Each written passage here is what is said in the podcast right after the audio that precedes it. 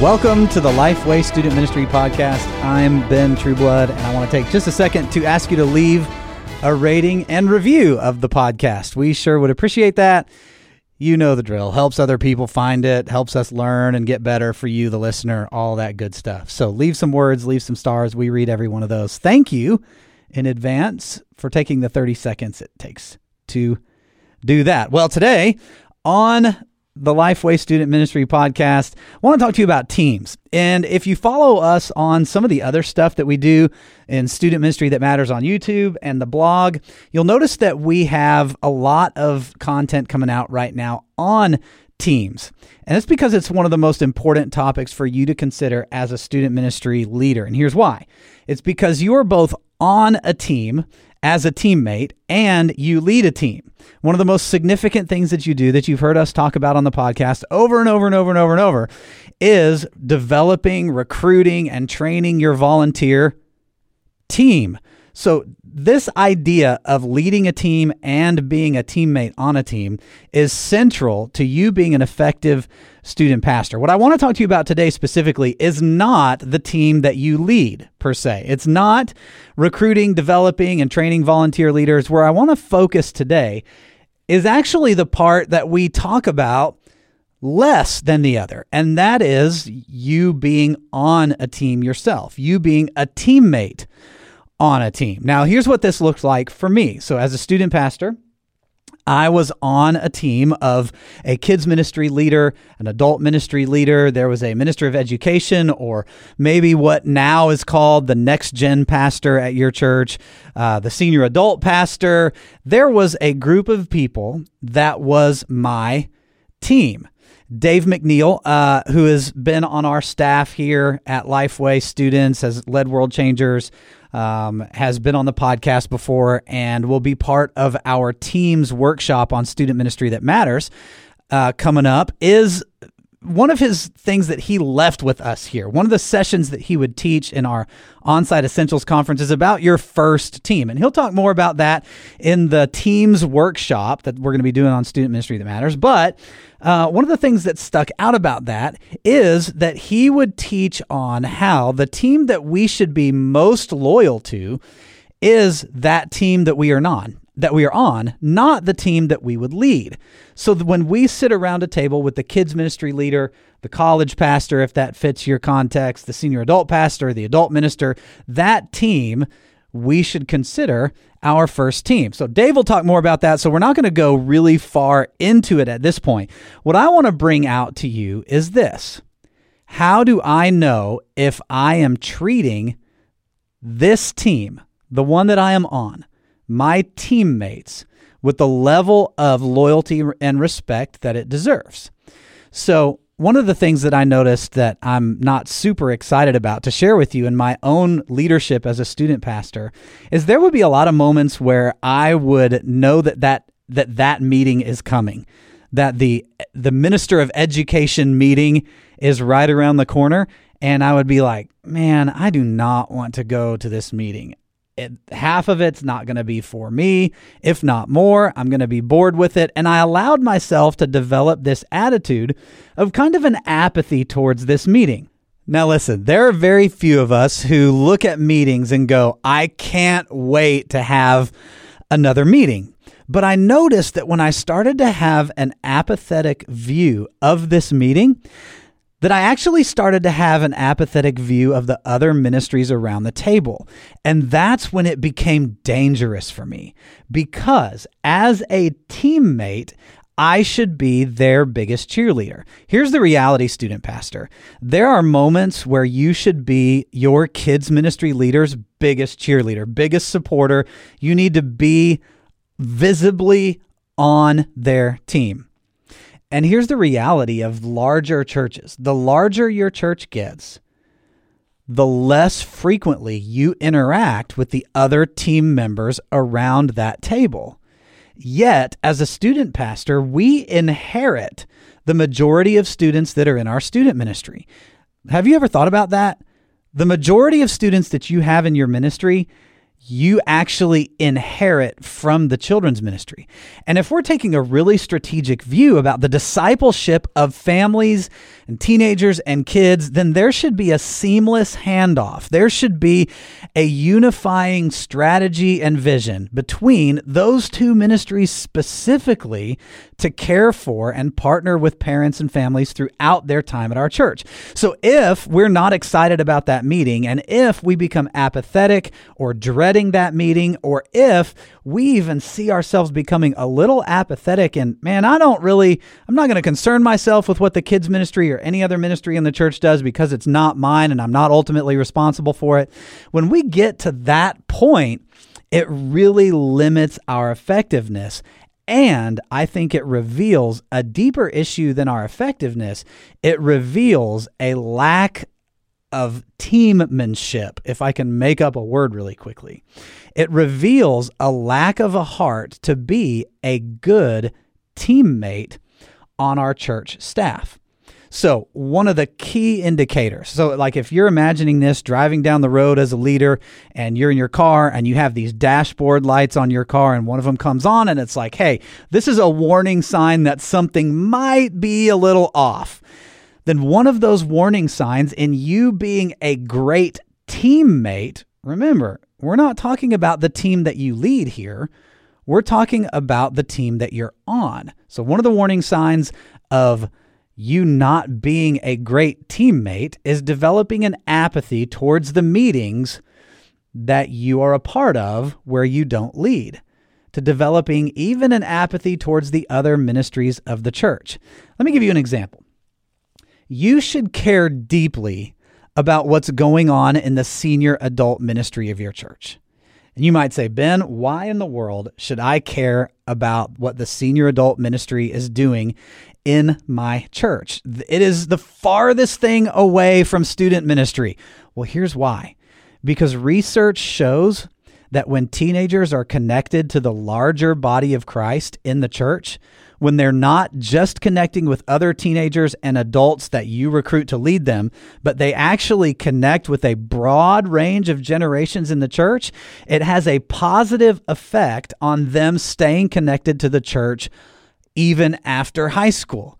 So, you connecting teenagers to senior adults in your church actually influences their long term faith. So you should care deeply what's going on in the senior adult ministry of your church because the senior adult leader, whether volunteer or full time staff or part time or whatever, they are your teammate. And together you can develop a strategy that helps link senior adult believers with teenage believers that has a long term impact on their discipleship. But if I walk into that meeting and I'm apathetic and, and towards the meeting, or I think it's boring and I let myself lose focus, then I'm going to miss potential discipleship opportunities. If I allow myself to think it's so far away from student ministry that I don't need to know what's going on, then I'm losing opportunities to disciple teenagers and I'm losing opportunities for myself to learn. And I would put that as dashboard indicator or warning light indicator number two that you're not being a good teammate. Or if we want to say it more positively, that you can improve as a teammate, right? So I would say here is dashboard warning indicator number two. If you get to a point where you feel like there's nothing for you to learn from the other people around the table, then that's a sign that you're not engaging as a teammate should. You know it as well as I do. You can learn something from anyone. And let's never be people that allow our pride or our vision of our own success or our vision of our own areas cloud our ability to learn from someone else around the table, whatever table you might find yourself in. The best leaders are leaders that continually learn. And you can be someone who continually learns by approaching those meetings with the mindset of, for me to be a good teammate, I need to focus in, because I want to learn. There are going to be things that you can learn from your kids' ministry leader, from the kids' pastor at your church. There are going to be things that you can learn from anyone sitting around the table as long as you say, okay, today's meeting, I'm going to focus and I am going to take a priority of seeing those discipleship connections, like I talked about a second ago, and seeing the priority of learning from someone around the table. All right, here's dashboard indicator number three. If you don't believe that you can enhance the ministries of the other people around the table or enhance the ministries of the other church. So here's the thing you are an influencer as a leader. You believe that you can have a great influence on the lives of teenagers, on the lives of families, parents, all of those people that you frequently engage with. But you can also has a have a positive impact in the full team that you lead. But you need to go into these meetings saying, I'm going to look for ways to enhance the people around me. I believe that I'm a strong leader. And listen, there's nothing with you wrong with you believing that you're a strong leader. So if you if you're saying to yourself, I believe I'm a strong leader, but then you never take the opportunity to influence or upgrade or enhance the things around you, then you're not stepping into the vision that you have for yourself as a leader. So if you're saying, I think I'm a strong leader, I have something to give and I have something to offer here, then you need to step into those shoes and offer that up. Uh, for a lot of meetings early on in ministry, um, I kept my mouth shut in meetings a lot. And for the most part, um, I try to do that still. Uh, I try not to be the person in the room that talks the most. Um, that changes if I'm leading a meeting. Sometimes, by the nature of it, I have to talk more than in other meetings.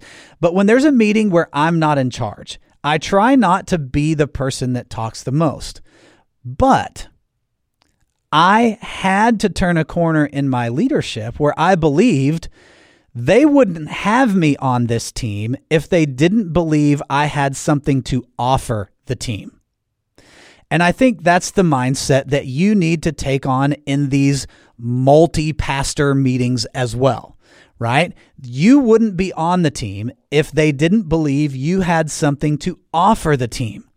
Now, I think there's a humble way to approach this. I think there is a way to approach it that is not prideful, is not my stuff is better than your stuff, or uh, I'm a better leader than you, or, you know, fill in the blank with those kinds of statements. That's not the mindset here. I think a great example of this is what we saw happen in many churches when uh, we first entered into the COVID season last spring, spring of 2020. What we saw is student pastors begin to step into the shoes of, I can bring something to the table here. I can offer creativity. I can offer innovation. I can help other people around the table know and understand how people connect virtually and digitally with each other with each other. And so I think one of the great things about COVID and during this season in the church is that student pastors began to step into this mindset of I have something to offer and I'm not just going to keep it to myself that I can actually enhance and upgrade the experience that's going on here and I can do it in a humble and approachable way where I'm not just saying I know best and everybody else is less than me, but a legitimate, hey, I want to help because I have this certain level of experience in what we're talking about. So that was one of the great things that came out of this COVID season in the church. And I think it's healthy for you to remember as you continue to seek to be an effective teammate is to notice, okay, Am I taking advantage of the opportunities to speak into something and make it better? If you notice in meetings, continually passing on these opportunities, if you notice yourself saying, man, I have something to ha- say here, but I'm just going to keep it to myself because I don't want to come across as prideful. I don't want to come across as rude. I don't know about kids' ministry. I'm just going to let them do it. Or I don't know about this area of the church. I'm just going to let them lead. If you see yourself passing on those opportunities over and over and over, then allow that to be the warning light to say, hey, like focusing in on this meeting, it, part of that is showing up ready and willing to enhance and upgrade the things around you. As you notice these warning signs and as you begin to act on these, here's what you're going to see happen. You are actually going to be able to raise the level of effectiveness, not only of yourself as a teammate, but you'll raise the effectiveness of the people around the table. Listen, I'm not going to assume that right now all of your staff meetings are people who are completely engaged 100% of the time around the table, and there is an excellent teamwork environment there. There might be. And if that's the case, then that is amazing. But what is probably more the case is that your meetings vary from meeting to meeting with how people are engaged and with the level of teamwork or collaboration that's involved. And you have an opportunity here as the student pastor. You have an incredible opportunity to raise the bar of effectiveness, not just for yourself and not just as a teammate around the table, but as people see you engaging more, as they see your willingness to speak into other ministries, as they see your willingness to allow others around the table to speak and upgrade and enhance your ministry, as they see you take a step closer into what it means to be a good teammate, they will follow. And I believe that you'll see that 100% of the time. As you do this with a humble heart, you will see other people in the room begin to engage in this process more. And ultimately, that is good for the kingdom and it's good for your church. There are churches that exist where one area of ministry is more effective than other areas of ministry in the church. And sometimes that's just due to seasons of ministry. Sometimes a children's ministry might be growing more than other ones. Sometimes it might be a student ministry. Sometimes it might be something else. And I definitely believe that growth in churches uh, can be seasonal or cyclical. Um, but there are also times when there's an area of ministry growing in a church where when what's learned is shared, it can actually have a growth impact on the other areas of the church. And I think we all want to be a part of a church where it's not just one area that's growing really, really well and everything else is just kind of limping along. I think we all in the core of who we are as people called by God to pastor, as people called by God to minister in the specific areas that He's placed us in for right now, being a part of a team, I think we legitimately look around the table and want every other ministry in the church to be thriving and growing.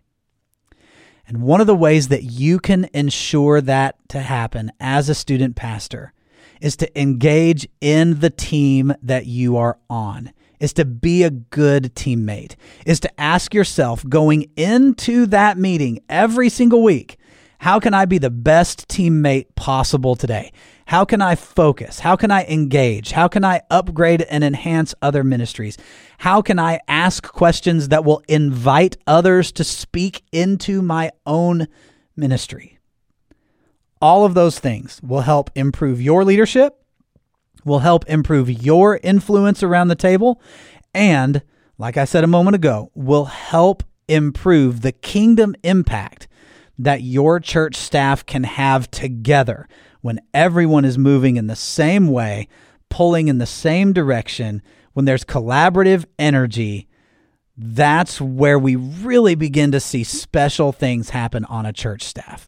I had the privilege of being a part of one of those church teams uh, as I served on a, as a student pastor in Virginia. Not every team that I've been on has been like that, and part of it, quite honestly, has been because I didn't pay attention to the warning signs on the dashboard that I gave to you earlier. I began to enter into some meetings with apathy. Uh, I didn't invite people to speak into my ministry, and I didn't volunteer to speak into others. I treated those meetings and that team that I was on as just something I had to endure so that I could go back to leading student ministry. And I can just tell you from personal experience, that is the wrong approach to take. That was a failure as a student pastor on my part. And I'm thankful to say that with some guidance and some mentoring from people in my life, I was able to move past that mindset and be a part of a team that really did work together. Now, did we always agree? No, but we were able to work together and there was trust in the room because we knew at the end of the day, all of us were headed in the same direction. And I hope that's the same for you as you seek to be the best teammate that you can possibly be. So, I mentioned earlier the workshop about teams, being on teams and leading teams that we're going to have through Student Ministry That Matters on YouTube. That's going to be January the 25th at 12 p.m. Central Time. So, I want to encourage you to be a part of that. We have two special guests with us, Jeff Mingy and Dave McNeil, will both be sharing their insights on leading teams and being a part of a team. And we'll have some special stuff for you on that day, January 25th, noon Central Time through Student Ministry That Matters on YouTube. This has been another episode of the Lifeway Student Ministry Podcast. We'll see you next time.